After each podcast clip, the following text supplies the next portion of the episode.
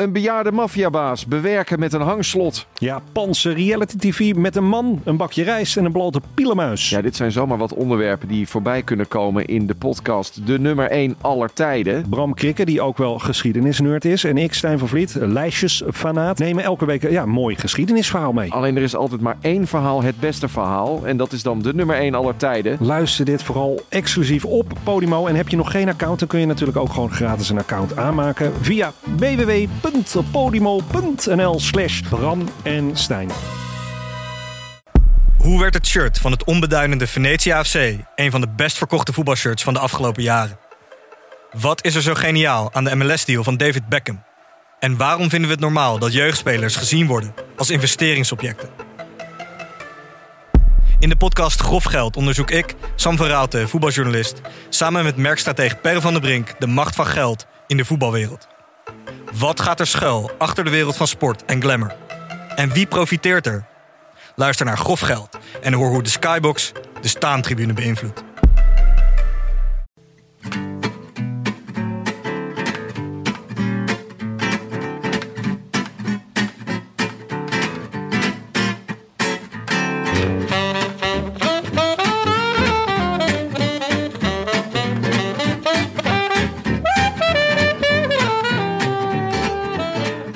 Het is donderdag 20 juli 2017. Een benauwde, natte dag in Amsterdam. Een prachtige zonnige dag in de Franse Alpen. Mijn naam is Tim de Gier. Tegenover mij zit Willem Dudok. Live vanaf de bank in Amsterdam West is dit de Rode Lantaarn, de wielerpodcast van Het is Koers.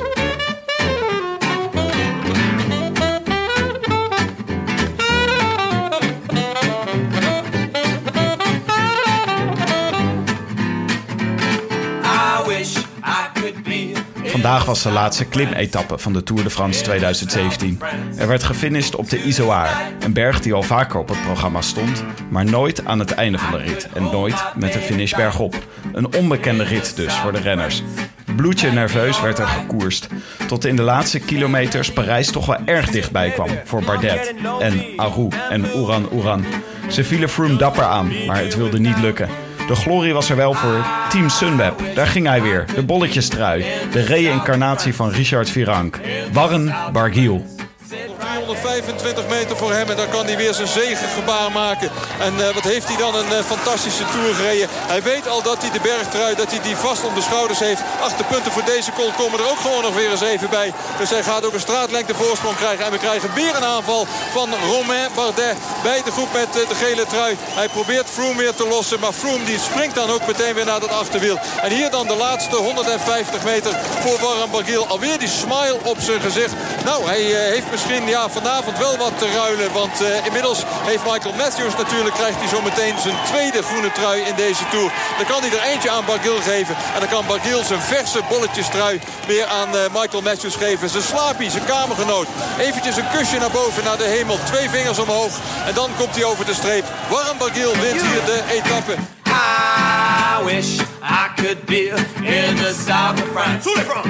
In the south of France. Sitting right next to you.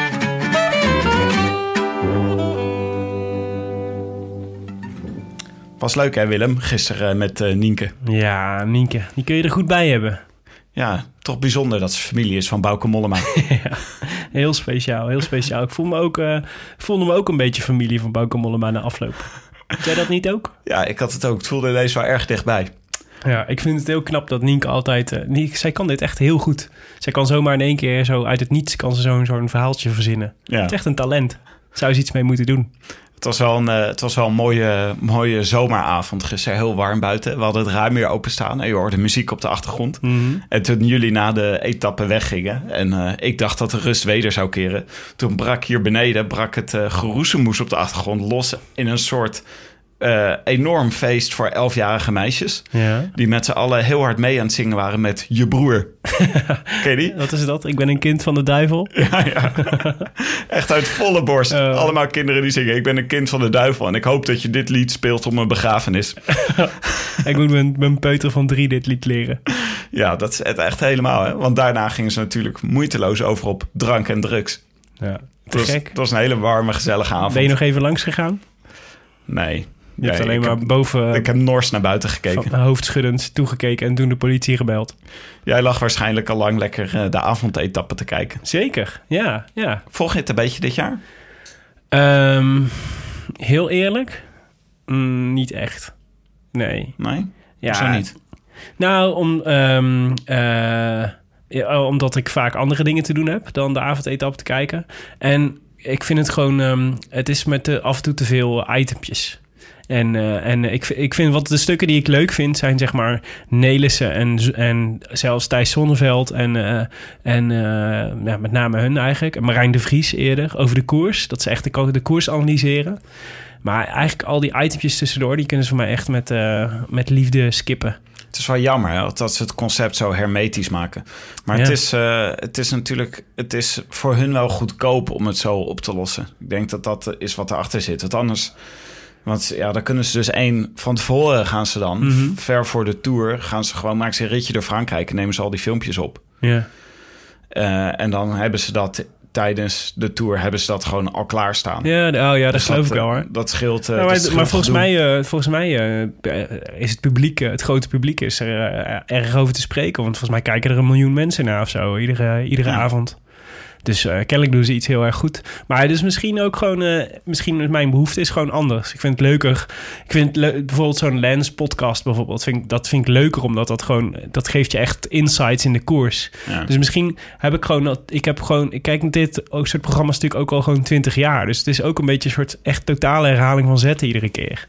Ja, maar ik denk, ik, ik vind toch niet dat het. eh, dat is er niet alleen. Het is ook dat het eh, leuk is aan de podcast van Lance Armstrong. dat Mhm. hij uitgebreid over eh, de koers praat. Het is met veel van die programma's is het zo dat ze denken: ja, we moeten ook het zo breed maken dat mensen die eigenlijk niet van wielrennen houden, daar ook naar kijken. Terwijl, zoals wij, als je echt al de koers hebt gezien, dan wil je gewoon discussie over de koers. Overigens praten wij bijna alleen maar over de koers. Dan zeggen mensen heel vaak: ik hou niet van wielrennen, maar kijk, ik luister wel naar de Rode Lantaarn. ja. ja, dat is ook vreemd, hè? Ja, nee, maar ik snap het wel waarom ze het doen, de avondetappe op deze manier. En, maar misschien is het gewoon niet voor mij, het programma, dat kan. Ja, Ik zag wel dat eh, onze vriend van de show, ja Lodewijk Asscher, gisteren uh, tevens nog even de vicepremier. avondetappe zat. Ja, die had echt de tijd van zijn leven. Ik heb het dus gemist. Was, die, eh, was leuk? Ja, ja, ja, nee, hij deed het heel goed. Als een kind in de snoepwinkel, maar dan zeg maar wel een kind met verstand van snoep.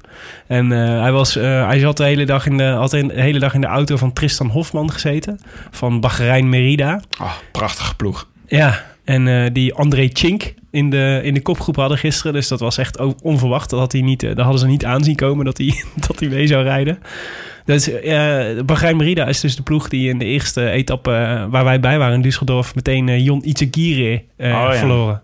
Oh, Isikire. Ja, precies. Nou, en uh, Wat dus, een mislukte kans eigenlijk. Dat is Bahrein en uh, de Emiraten rijden in het peloton rond. Ja. Zou uh, eigenlijk een mooie gelegenheid zijn als Qatar ook nog instapt. Kunnen we de hele proxyoorlog van de golfstaten kunnen we uitvechten in het peloton. Ik ga niet iemand uit, uit Qatar terughalen. Goed idee. Nee, maar het was heel. Hij deed het, uh, hij deed het leuk. En kreeg allemaal, hij stuurde allemaal WhatsApp-plaatjes via WhatsApp naar ons. Met, uh, met dat hij, uh, dat hij achter. Dat hij op het moment van, van de aanval van. of nee, het lossen van Aru. net achter Bardet, Froome en Oeran reed. Dus had hij een heel mooi plaatje van. En een heel treurig plaatje van Quintana kreeg ik ook opgestuurd. Van een eenzame Quintana die na afloop van de etappe in zijn eentje de, vanaf de berg naar beneden of nee, weer naar zijn hotel rijdt. Oh, dat is echt sad. Die zal ik morgen nog eventjes op de, de Rode Lantaarn Facebookpagina posten. Dat was die wel de moeite waard. Arme man. Ja. Hebben, we nog, uh, hebben we nog rectificaties? Ja, zeker. Joost Nelle, een, uh, een vaste, vaste luisteraar, die uh, zei terecht dat wij het de hele tijd hebben over oorcategorie. Of wij, ik in ieder geval. Ik weet niet of jij het gezegd hebt. Ik heb het in ieder geval gezegd. Maar dat is fout, want het is oorcategorie. De HC, klimmen. Of, of gewoon buitencategorie, natuurlijk. Buitencategorie. We hadden het ook gewoon in het Nederlands kunnen houden. Dan hadden we één, één slippertje minder gemaakt in deze tour. Maar ja. Ik heb een lekker natje meegenomen, ik zie Willem. het, een hele bijzondere. Mannenliefde van Ja. Oedipus. Jeetje. Oedipus. Het is een, Eh, uh, een Amsterdamse brouwerij. Ja. Het is uh, biertje dus, mannenliefde. mhm.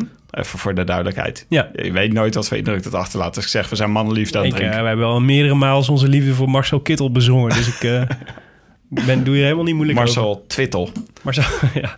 ja, volg je die op eh, Twitter? Nou ja, door jullie gisteren, omdat jullie het aanraden. Ja, Nee, dus Marcel Twittel is... Marcel Twittel is het eh, Twitter-account van... eh, van eh, ja, een parodie-account van Marcel Kittel op Twitter.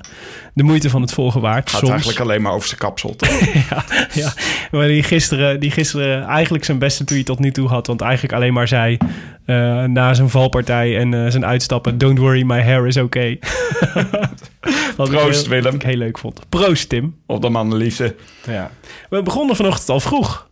Zat jij eh, ook eh, te kijken bij, eh, bij La Course? Nee. Jij wel? Ja, ik, moest, ik was vanochtend dus, eh, nou ja, gewoon net als elke, elke donderdag gewoon aan het werk.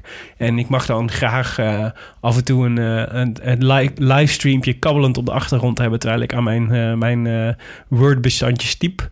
En, en vanochtend kon die al om tien uur aan, want to- to- toen begon de, de vrouwenkoers ehm, op, eh, de, op de. En, eh, en met Nederlands succes, want Annemiek van Vleuten won bovenop de Izoar. Ja, prachtig. Dat was tof. Ik En, zag eh, het ook achteraf. ik ben iedere keer als ik Annemiek van Vleuten zie, dan ben ik eigenlijk soort van, heb ik, voel ik een soort van gelukzaligheid over dat ze zo goed hersteld is van die ontzaglijk nare val die ze toen in Rio had. Ja. Waar, echt, waar, we echt, waar we echt, volgens mij, Nederland collectief misselijk van werd.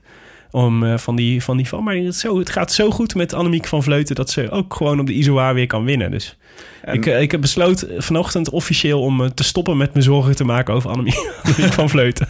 Mooi moment. Ja. Nou, het was wel leuk, want zij finishte dus op de Izoar. En dat deden de mannen even later ook in de Ja. Tour. Ehm, het was voor de eerste keer dat ze op de Izoar gingen finishen. Ja, dat verbaasde mij. Het is toch een eh, household name in de Tour, de Izoar.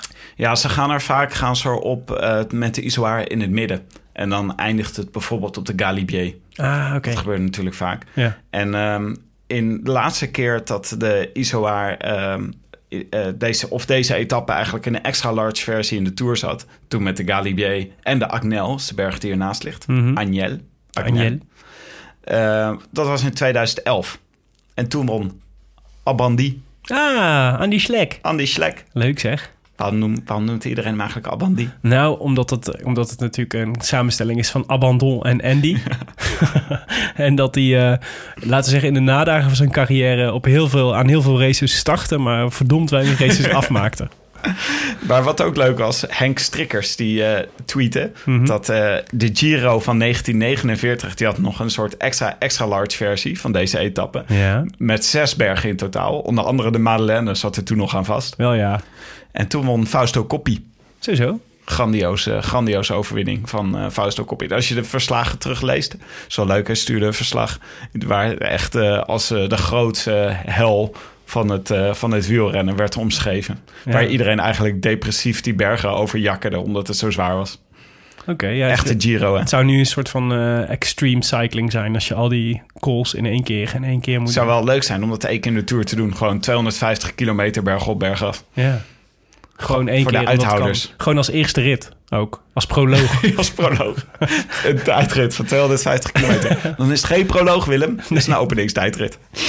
Oké. Maar nu eh, was het dus eh, eh, eigenlijk eh, 100, ongeveer 121 kilometer vlak. Ja. En dan kwam er de eerste een berg van de, of een berg van de eerste categorie, Col de Vaar. En dan Mhm. afdalen en dan bergop naar de Col de Izoire. Ja. En het verloop in het kort, er ontstond al snel een, een kopgroep van ongeveer 789 renners. Iedereen die nog, nog een beetje zijn zware versnelling kon trappen, die zat erbij. Dat was eigenlijk iedereen behalve Dylan Groenewegen die in de kopgroep zat. Ja, dus er zat überhaupt geen Lotto Jumbo in de kopgroep. Ik, dacht, ik ga je niet, dit, zeg- dit zeg ik zonder cynisme, want ze hebben gisteren gewoon keurig gewonnen. Dus ze hadden vandaag recht op een rustdag. Ja, nou die hebben ze ook gepakt, Ja. dat. Zeker. Wat wel leuk was, was dat we toen ik inschakelde, toen zag ik AG Deuzer Mhm. hard op kop rijden. En toen dacht ik, wow, dat is wel voor het eerst deze tour dat ik iemand echt zo op de oorlogsdrum zie slaan. Ja. ja, dat is waar. En, ehm, en eh, dat, deden ze, dat deden ze verdomde goed. En er was er ook een soort, dat leek eh, een, eh, een aanval aan te kondigen van, van Bardet op de, op de Skies en op Froome met name. Maar dat is toch zo leuk. Dat moeten ze echt vaker doen. Want het is ook, als je dan Ange Deuzer nu ziet rijden, zijn er allemaal van die renners die je eigenlijk f- eh, een hele tour vaak niet ziet. Ja. En die ook vrij matig zijn, zoals Matthias Frank. die zie je ineens gewoon heel goed eh knechtenwerk doen. Maar Want zo, de hele dynamiek van een ploeg verandert gewoon als je de Ja. aanval kiest. Als je echt het op je heupen krijgt. Ja. En dit was gewoon indrukwekkend. En als ze dit eerder hadden gedaan, hadden ze misschien wel meer, eh, meer kunnen doen tegen de hegemonie van Sky. Maar nu zag je ze echt even gewoon het initiatief in handen nemen. Ja. Nee, ik vond dat ook heel leuk. Overigens vind ik Matthias Frank best een oké renner. Hoor. Die reed vorig jaar een hele goede tour. Toen hebben wij hem nog getipt bij eh, Lotto Jumbo... Als, eh, voor in de entourage van Steven Kruiswijk... Naar de, Ja. naar, omdat IM Cycling ophield met te bestaan. Ja. Toen zeiden wij, moet Matthias Frank uit de boedel halen... en Jarlinson Pantano. Nou, dat heeft, eh dat heeft de Desert dus slim gedaan. Want Ja. dat is een hele arme ploeg. Echt een beetje een, eh, een, eh, een ploeg met een klein budget. Excelsior, laten we het zo, zeggen, Mhm. laten we het zo noemen. En nu hadden ze dus ineens... Nou, ze hadden met Bakeland reden ze. En ehm, ze hebben Oliver Nase Ja. en ehm, Matthias Frank. Ja. Nou, dat was toch best wel indrukwekkend zeker. Ja. koprijden. Ja. En nog een paar Fransen. Ja. Cyril, eh Naast is goed, hè? Ik Cyril zag jou, ook, eh, zag jou er gisteren ook over twitteren, volgens mij, over Oliver Nase. Ja. Was eh, het is 26 jaar en nu al, zo, eh, nu al zo sterk. Alle Belgen zijn ook soort van weg van hem. Wij ze- maakten er grapjes over dit voorjaar. Hoe, hoe, hoe erg de Belgen elke keer hoopten dat hij mee zou doen. Ja, maar Zeiden ze zien hem echt als soort... Ik bedoel, Tom Bonen is met pensioen, dus ze moeten een soort nieuwe, nieuwe held hebben. Ja. En Oliver Nase schijnt echt... eh, dat, dat, is, dat schijnt hun nieuwe hoop in bange dagen te zijn. Nou ja, ze hebben natuurlijk nog steeds... ehm Krijk van Avermaat is natuurlijk Ja. een andere klasse. Ja, dat is maar dit, Van Avermaat is natuurlijk... En met Gilbert de koning. Maar ik denk dat de naast dat dit is de wel- prins, hè? Nase. De prins, ja. Eh, prachtig. Wat ook leuk was vandaag om te zien was eh, het eh, totale parkeren van Kwiatkowski. Ja, maar wel nadat hij echt weer een schitterende inspanning had geleverd. Ja. Maar het is knap toch? Ik vind het waanzinnig dat je zelf zo helemaal leeg kan rijden. Dus dat het kennelijk, zeg maar, dat je dus dat tot op het moment gaat dat je, dat je vol tempo kunt blijven rijden. En dan in één keer dat het dan over is. En dat je dan ook niks meer kan even. Maar Kwiatkowski was dus zo'n ongelooflijk goede knecht hè, voor Froome deze Tour. En ik denk dat Oliver Nase dat potentieel ook had. Als AG Desert wat aanvallender had gereden, wat Ja. meer het initiatief had genomen, Ja. dan had Nase ook die rol kunnen spelen. Ja. Als je Nase gewoon eh, een, een eh, berg van tweede categorie op kop zet, dan kan hij echt gewoon skies eraf rijden. Ja, Een nee, slechte Sergio Hinao kan hij er gewoon afrijden op zo'n kolletje. Als hij. Maar, de long uit zijn lijf trapt. maar sowieso, als je toch kijkt, eh, het is, ik bedoel, Kwiatkowski vond ik een indrukwekkende knecht van, van Sky dit jaar. En Landa vond ik een super indrukwekkende knecht van, van Sky dit jaar. Ja, soort van knecht. Maar van ja, nee, was wel, nee, hij was wel gewoon knecht. Maar verder, Hoe bedoel je? Wie waren... Ja, Njebe was natuurlijk weer eh, goed. maar toch niet, toch niet heel goed. Toch niet dat je denkt, toch, niet, dat, toch niet iemand die dan echt tot op het laatste moment eraan blijft hangen. Nou, maar ze hebben, ze hebben bij Sky, dat vind ik altijd zo mooi. Ze hebben zo'n verdeling, wie wat moet doen. En Jewe is altijd de middelste berg. De laatste berg is eigenlijk Henaus de bedoeling, maar die was slecht dit jaar, volgens mij.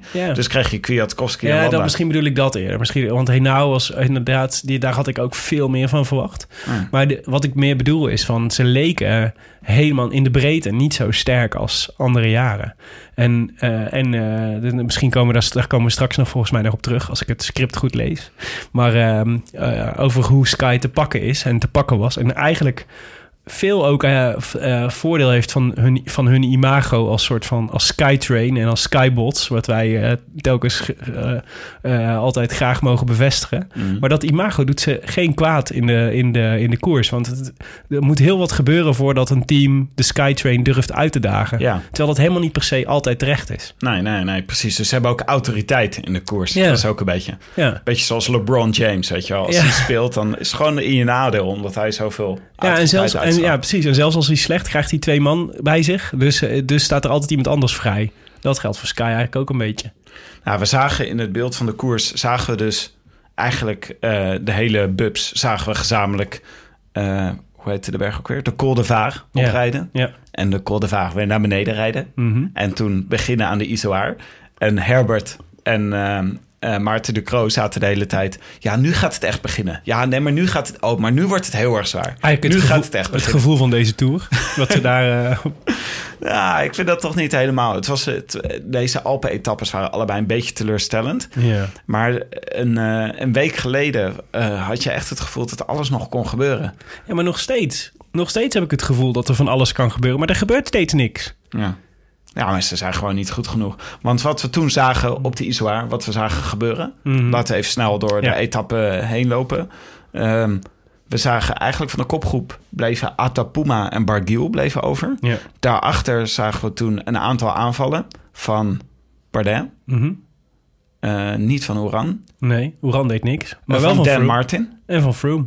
en van Froome. Ja. Met als enige slachtoffer eigenlijk eh, Fabio Aru. Ja.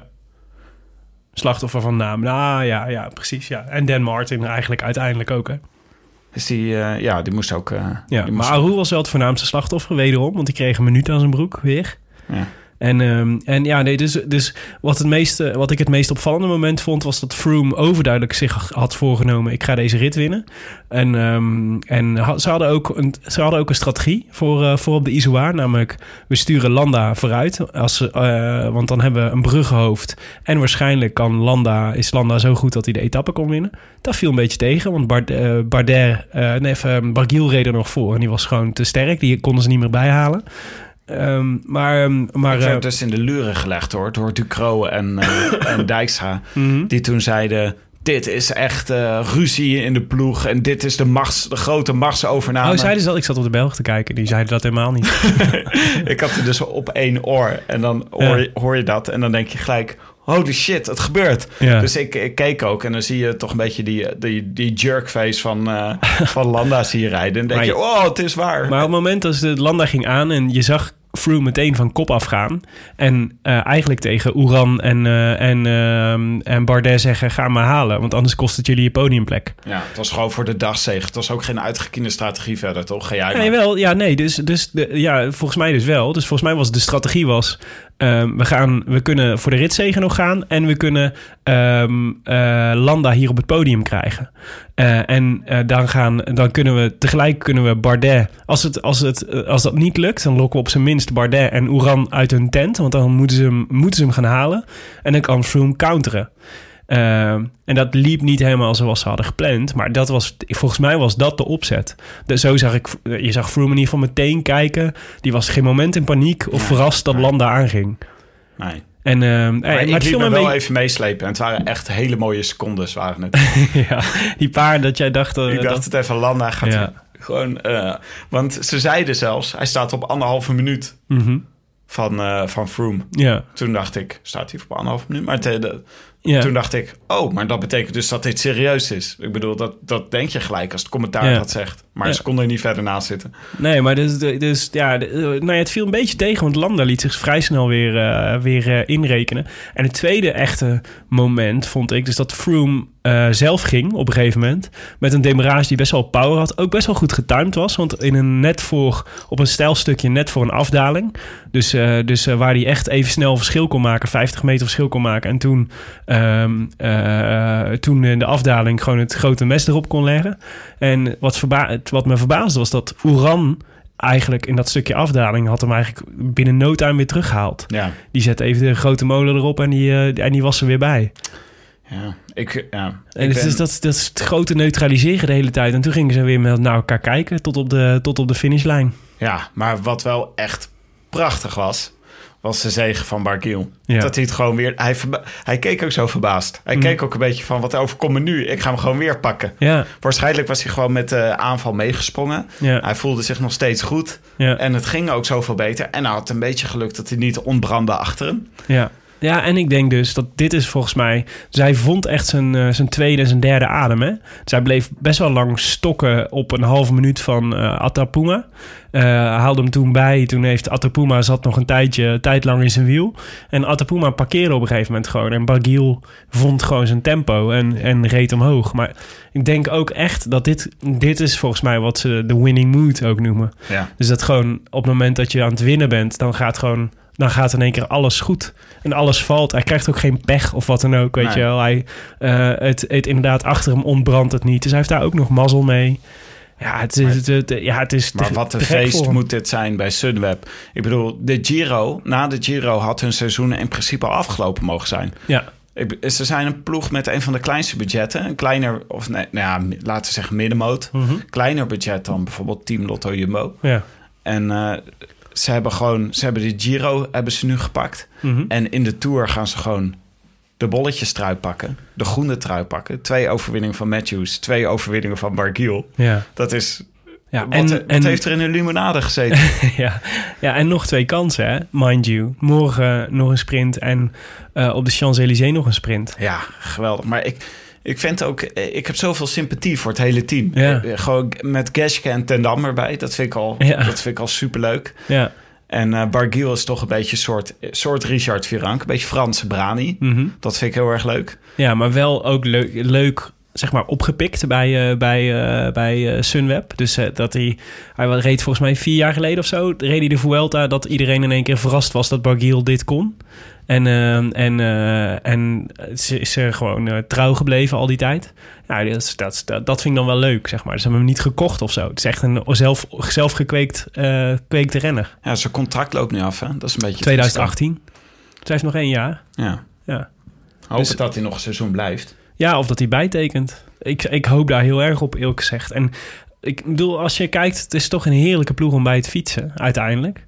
Ja. Zou ik zeggen. Maar wat en als, zou... als ze een goede deal kunnen maken met... eh, als ze, als ze, kijk, hij wil ongetwijfeld ronde renner worden. En zijn grote doel zal ongetwijfeld zijn om de Tour de France te, een keer te winnen. Alleen waar we het gisteren bijvoorbeeld met Nico ook al over hadden. Hij is natuurlijk een ander type renner dan Dumoulin is. Hij heeft een andere grote ronde nodig om, om eh, te kunnen winnen dan Dumoulin.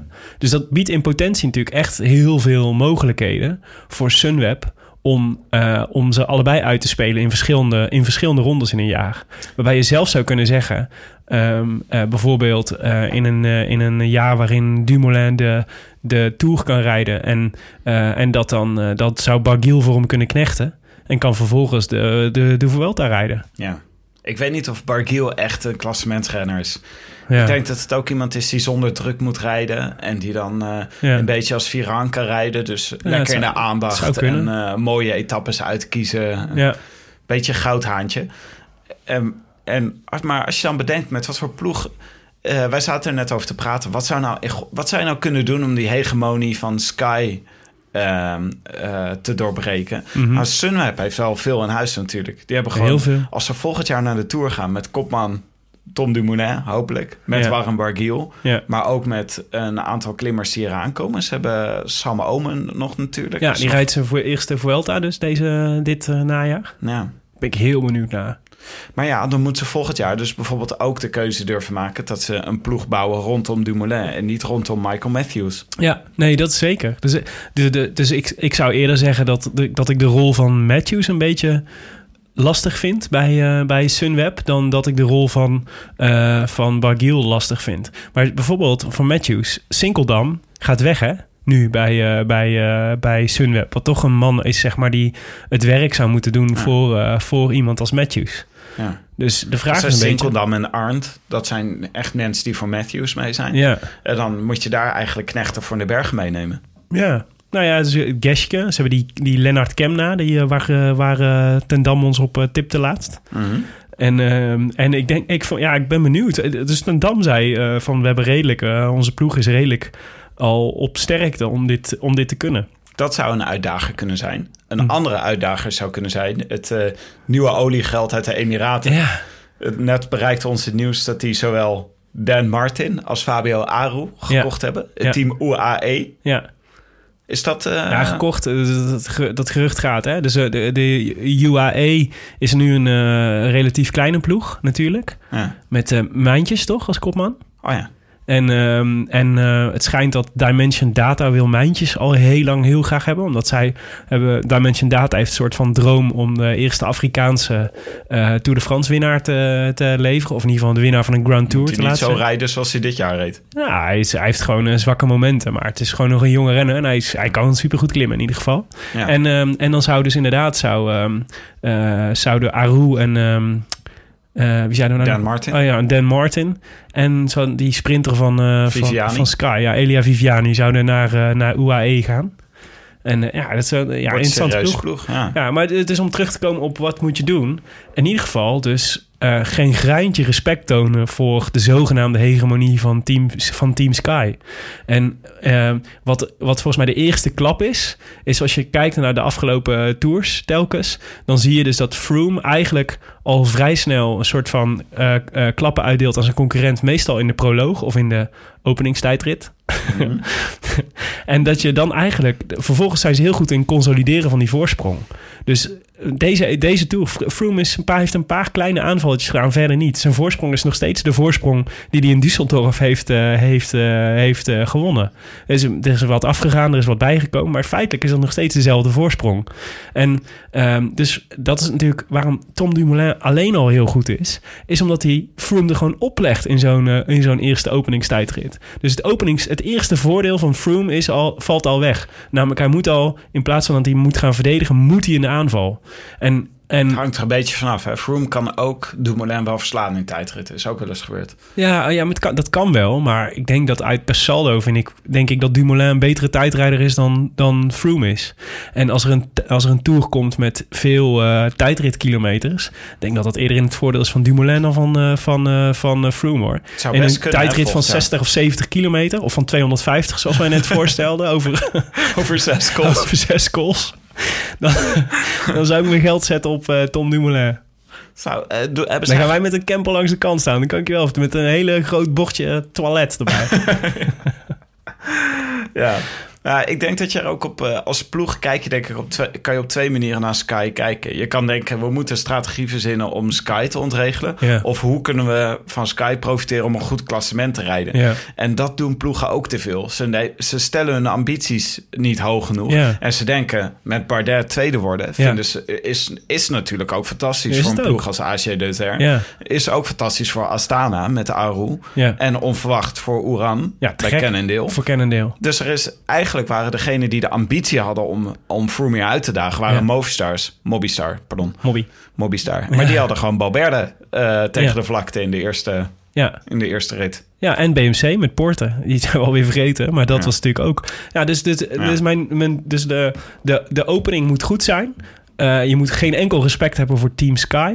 En je hebt eigenlijk nog eh, je hebt eigenlijk, eh, twee renners nodig die moeten kunnen aanvallen op de belangrijke momenten. Ja. En dat, kan, dat kun je in je eigen ploeg organiseren. Of je moet, je moet een hele goede, hele goede afspraken maken met een andere ploeg. Dus als, eh, daarom zeggen we heel vaak wat, dat het zo jammer is dat Valverde niet meer rijdt, bijvoorbeeld. Die had echt, die had volgens mij in deze, deze in dit, op dit parcours had hij echt heel goed eh, in, samen met Bardet eh Froome kunnen slopen. ja. Dus ik denk, extra wat- reden om Barguil mee te nemen met eh, Dumoulin, want die kan dit. maar ik ben wel benieuwd wat er nu, wat er volgend jaar gaat gebeuren. Want als Landa naar Mobistar gaat, Ja. ik weet nog niet of ik Landa echt zo goed vind als iedereen, als, als de hype Nee, is. ik ook niet. Want hij rijdt, een, hij rijdt echt een goede tour, maar Ja. hij zit in een positie waar hij geen druk heeft. Ja, En hij heeft een beetje een teleur- teleurstellende Giro gereden. ja. Dus het is een beetje op, nou ja, het is een beetje, hij heeft de Hij heeft omstandigheden gewonnen de. Giro, hè? Ja, maar hij, had- hij was mee naar de Giro om de Giro te winnen. Ja, ja. En hij kon gewoon tegen de klassementsrenners niet op. Mhm. En ehm, hier in de Tour had hij een vrije rol. Dus dat is een makkelijke positie. En dat kan een keer meezitten. Maar ik zie hem volgend jaar naar eh Mobistar gaan. En eh, helemaal niet zo goed doen als verwacht. En dan gewoon niet kunnen tornen aan de macht van Chris Ja. Froome. Ja. Die volgens mij Ah. volgend jaar weer de grote favoriet is. En dan gaat de uitdaging gewoon komen van ploegen. Ja. Als Sunweb, als AG Deser, als UAE Mhm. Of Qatar Cycling. maar ik geloof ook dat Mo Movistar niet per se een ploeg is... Tenminste, van het beeld wat eruit oprijst... is het niet per se een ploeg waar de dingen goed georganiseerd of geregeld zijn. En waar je naartoe gaat als renner om beter te worden. En je kunt natuurlijk veel zeggen van Sky... eh, maar de renners worden er wel beter daar, zeg Ja. maar. Ze worden sterker en, eh, en ze gaan slimmer rijden. En ze, ze leren beter hun eigen lijf kennen... en wat ze wel niet en wat ze niet kunnen en dat soort dingen. En het lijkt me ook best wel een overgang als je, als je zeg maar echt van soort van het Milanello van het, eh, van het wielrennen, wat Sky momenteel is. Eh, volgens mij, als je dan in één keer zeg maar op de, op de hechtgang weer, weer, eh, weer, eh, weer rondloopt. Ik kan me best voorstellen dat het volgend jaar zo gaat. Dat er gaat nog een keer een moment komen dat Froome valt of zo. Of dat het niet mee zit. Zoals het is al een keer eerder overkomen. Mhm. Maar ik heb het gevoel dat dat nog wel een keer gaat gebeuren binnenkort. Misschien dat hij dan een keer niet aan de Tour meedoet bijvoorbeeld. Ja. En eh, dat, dat vind ik dus een uitgelegen, uitgelezen moment voor bijvoorbeeld Richie Port om de Tour te winnen. Net Ja. als Sastre één keer de Tour heeft gewonnen. En Bradley Wiggins Ja, een ja. keer de Tour heeft gewonnen. En ik vind het wel echt dapper dat je gewoon tegen de klippen op blijft rekenen op een keer een tourzege van Richie Ford. Ja, nee, Die ja. jongen is, laten we wel jongen is gewoon vervloekt. Die, is gewoon, die, heeft gewoon, die heeft iets heel naars Hallo, gedaan. nou draai je de rollen om. Dit is wat ik had- in je had hem- leven. Je had hem meegenomen in je pool. Dat is waar, ja. Maar ik ben helemaal om. Ik sta nu helemaal aan jouw kant. Mijn, mijn theorie is dat Richie Port zich altijd eh, zichzelf saboteert. Maar hij had hem natuurlijk al lang. Had al lang Froome een paar keer moeten uitdagen. En dat lukt gewoon elke keer niet. Nee, nee, is waar. Enfin, Volgend jaar ehm, zullen we zien hoe Sky eh, demolished wordt door Team Sunweb. ja, inderdaad. Door de tandem Gasket Tandam. Ja. En, Zo, het is eh, toch echt een beetje... Het voelt toch een beetje een soort van eh, de orks tegen, tegen, Inderdaad, tegen de elfen. tegen de elfen. ja. De de, elfen van Sunweb. de elfjes van Sunweb. Maar wacht even. Eh, It ain't over until the fat lady Met, eh, sings. we, Laurens hebben nog, Legolas ten Dam. we hebben nog een tijdrit. Zaterdag. Ja, een tijdrit. En- ja, 22 kilometer, verdomme. Weet je hoe weinig, weinig. hoe weinig tijdritkilometers er in deze Tour zitten? Ja. Vij- wat is het? 15 van de openingstijdrit, volgens mij in Düsseldorf. En nu 22,5. Dat is niet eens een halve, eigenlijk, in Maar- totaal. In zo'n tijdrit als dit gaat Bardet gaat natuurlijk nooit op kunnen tegen Froome. Nee. Wie misschien wel op kan tegen Froome in zo'n tijdrit is Oeran. Ja. Want die heeft, eh, die heeft al wel eens hele goede tijdritten Ja, hij zei, Froome zei ook dat hij het Oeran het meeste vreesde. Ja. Ik, als ik In deze Froome vorm. was, als ik Froome was, zou ik mijn materiaal het meeste vrezen. Het is natuurlijk het grote... Nou, deze, je bedoelt, nou, alle materiaal per. Ja, dat. Maar ook, eh, het, het, eh, ik denk dat Froome onder normale omstandigheden sterker is dan Oeran. Of in ieder geval geen eh, halve minuut verliest op Oeran in een, in een tijdrit. En dat mag hij. Hij mag gewoon tijd verliezen. Hij, kan, hij hoeft de Tour niet eh, met een minuut te winnen. Één seconde is genoeg. Maar als je, ehm, als je één keer pech hebt... Echt één keer pech hebt, dan ben je weg. Er is, het is gewoon te kort om, dit, Ja, om dan nog het een lekker band nog goed te, Ja. goed te maken. Absoluut. Dus het is echt, dat is volgens mij, ik zou echt billen knijpen als ik, eh, als ik eh, fan was van Chris Froome. Het is nog niet over, Willem. Nee, dat Het zeker. is echt nog niet over. Het is eh, wel leuk, want Oeran eh, reed in 2014 tijdens de Giro. Toen hij nog bij Quickstep reed, reed hij een hele goede tijdrit. Ja. Toen reed hij tot ieders verbazing reed hij iedereen op anderhalve minuut. Mhm. Waaronder eh Cadel Evans, die toen in het roze reed. Dat was toen net voor de opnames van Coffee en, Coffee and Cigarettes, toch? Van, eh, Ja, precies. voor, zijn laatste, voor, zijn, voor zijn laatste album Blood Money. Ehm, het was wel een... Ik dacht eerst, ja, maar wacht even, dat was een iets ander parcours. Want dat was eh, een lange tijdrit met een paar klimmetjes erin. Mhm. Maar nou zag ik dat in deze tijdrit ook een klim zit middenin. ja, het is een klim, een klim. Het is, Van 116 meter. ja, het is dus, ze gaan naar de, naar de Notre-Dame de la Garde, wat de, wat de basiliek is in eh, Marseille. En ehm, eh, dat is, ja, die, die staat op een heuvel. En die heuvel moeten ze op. En dan, eh, zeg maar, dan doen ze even... Er staat een heel groot beeld van Maria boven. Dus dan kunnen ze even een kruisje slaan en weer naar beneden. Maar het is echt, volgens mij echt op de macht. Volgens mij hoeven ze niet eens versnelling te wisselen. Hmm, nou, maar het verandert natuurlijk wel weer iets de dynamiek van welk materiaal je gebruikt en hoe je tijdritten opbouwt. Dat is altijd wel weer leuk om te zien. Ja, het is even een, een, een, een, eh, een hupje. Maar verder is het echt is super vlak, hè? Maar Ja. wel dwars door de stad. Dus ja, dat is altijd, weet je wel, dat is altijd risicovol. Er zijn Ja, altijd dunnere hebben straatjes. En, eh, Ze hebben één tijdrit gedaan van En je 7 weet- je kilometer en toen ging de helft dood. Ja, precies. Ja, dus je weet dat ook, dus naast materiaalpech, we weten ook niet wat voor weer het wordt in Marseille. Ja, Laat waarschijnlijk wel, het als, regenen in Marseille. waarschijnlijk wel als we op de website kijken van, van, de Franse Academie. Maar hypothetisch weten we niet welk weer het zaterdag wordt. Nee, we hebben die opgezocht. Ehm, maar eh, hij was eh Oran in 2014, verloor vervolgens wel in de daaropvolgende tijdrit in Zwitserland Oh. van Chris Froome. Hmm. Dus dat... eh, Maar goed, nou, de conclusie is, laten we de huid niet verkopen, Chris Froome. ja. Want de beer is nog niet geschoten. Nee, mooi gezegd, Willem. Ja. We hebben eerst nog even een eh vlakke rit morgen. Ja. En ehm, ja, en Brun. ja, Salon ja de redelijk, redelijk vlak. Want, ehm, want je zou natuurlijk zeggen, dit is voer voor de sprinters. Maar er zit wel één ingewikkeld dingetje. Namelijk op 50 kilometer voor de streep zit een call van de derde categorie. En eh, het, is, niet een hele lange, 500 meter. De Col du Pointu. En dat zou best wel eens een scherprechter kunnen zijn. In die zin dat de vraag is of dat eh, als, als de koers echt hard gemaakt wordt. Wat als ik team Sunweb was, wat ik zou doen. Want dat heeft ons al, dat heeft, heeft ze al niet al eerder ook geen windeieren gelegd. Dan zou het best wel eens kunnen dat ehm, sprinters als Bouhanni, Groenewegen, ehm Grijpel niet, eh, niet mee kunnen. Ja. En dan is de vraag of dat je... En Matthews kan dat natuurlijk wel.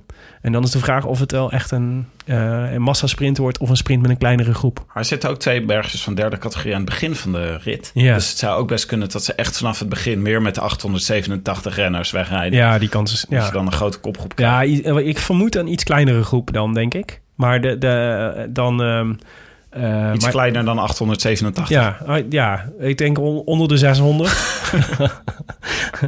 Dan zit je in de buurt, denk ik. Ja. Ik maar ja, heb, ik ben eh, benieuwd. Wat, wie heb jij opgeschreven voor morgen? Ik heb Greg van Avermaat opgeschreven. Want wat doet hij anders nog in de, in de Tour? Ja, hij zal deze rit, eh, zal deze voor deze... ja, dus dan gok je op de ontsnapping Ja, met Van Avermaat. In een, het. eh, ri- Zou leuk zijn. het zou leuk Gewoon zou- solo. zou- Solo, die laatste 50 Dat op die laatste, laatste berg weggaat. En dan, ja, ja, dat zou mooi zijn. Ja, ik ga voor, ehm, ik denk toch, ehm, kijk, ik denk dat er weinig sprintersploegen meer zijn. Eigenlijk alleen Sunweb en Lotto Jumbo die eh, de moeite nemen om, eh, om, eh, het, om de, de, de boel bij elkaar te houden. Ik denk dat Lotto Jumbo, denk ik, al vrij snel doorkrijgt dat het voor Van Baarle niet gaat, voor, voor ehm, Groenewegen niet gaat zijn morgen. En toch denk ik dat het team Sunweb in zo'n winning mood is dat Matthews ook morgen pakt. Dus ik ga voor Michael Matthews. Matthews. Oké, mooi. En wij zijn er zaterdag weer bij de tijdrit. Eh, ja, zijn we er zaterdag weer bij Ja, de we zijn er zaterdag bij de We zijn er zaterdag bij de tijdrit. Dit was het voor vandaag. Wij zijn er nog zaterdag weer bij de tijdrit. Mooi gezegd, Willem. Dank je. U luistert naar de Rode Lantaarn, gepresenteerd en geproduceerd door uw favoriete bankzitters Tim de Gier en mijzelf, Willem Dudok. Met dank aan hetiskoers.nl, de wielerblog van Nederland en Vlaanderen. En dank aan het Nederlandse podcastnetwerk Dag en Nacht Media voor de ondersteuning. Spreek je het zo uit? Dag en Nacht Media. Ja, een beetje zoals je Voldemort ook uitspreekt. Spreek je Voldemort? Die mag je toch niet zeggen? Oh nee. Nee, dat is waar. Sorry. Ik, Gaat kijk, ik kijk nooit Star Trek. Wil je reageren op deze uitzending? Via Twitter zijn we te bereiken. Overigens ook al. Via Twitter zijn we te bereiken via Willem Dudok en Tim de Gier. En abonneer je alsjeblieft op iTunes. En dat is heel makkelijk. Of laat, je daar, laat daar in elk geval even een reviewtje achter als je dit leuk vindt. Want dat helpt andere eh, luisteraars om deze podcast te ontdekken. En er staat nog een prachtige, prachtige op het programma. Eh, we hebben een recensie, want er, ze stromen binnen de laatste tijd. En dat vinden we echt hartstikke leuk. Waaronder eentje van Ellen Br. Ellenberg. Ellen Brussen. ik denk Ellen Brunnikhuis. Ja, Gok ik zomaar. dat zou kunnen. Maar ze is anoniem. Hè? Ze heeft niet voor niets een huis van haar naam afgehaald. Nee, dat zo. Ellen Br. Vijf sterren. Ja, dat is heel goed. Eh, en ze zegt... Ik startte de tour met luisteren naar de podcast van Lance Armstrong... en dan pas naar die van Tim en Willem. Tegenwoordig draai ik dat om. Niet I say more. Nee. Oh, dat vind ik echt, dat vind ik echt goed om te horen. Nee, ja. De Rafa Cycling podcast die je zo wordt al helemaal niet meer genoemd. Nee, en terecht, want die zijn helemaal niet zo goed dit jaar. Wij zijn toch de Sunweb onder de podcasters. Ja. zijn wij. Ja. Ben jij Legolas en hoe heet die, eh, hoe heet die andere elf ook alweer? Elrond? Elrond. Ja, Elrond. Mooi. Ja. Grappig, ik wist niet dat je Star Wars hebt gezien. Ehm, Oké, dit was het, eh, Tim. We zien elkaar zaterdag weer. Ik vond het weer een leuke uitzending. Ik proost nog één keer met mijn mannenliefde. A biento. A biento. just being here without you. I wish I could be in the south of France. In the south of France, sitting right next to you.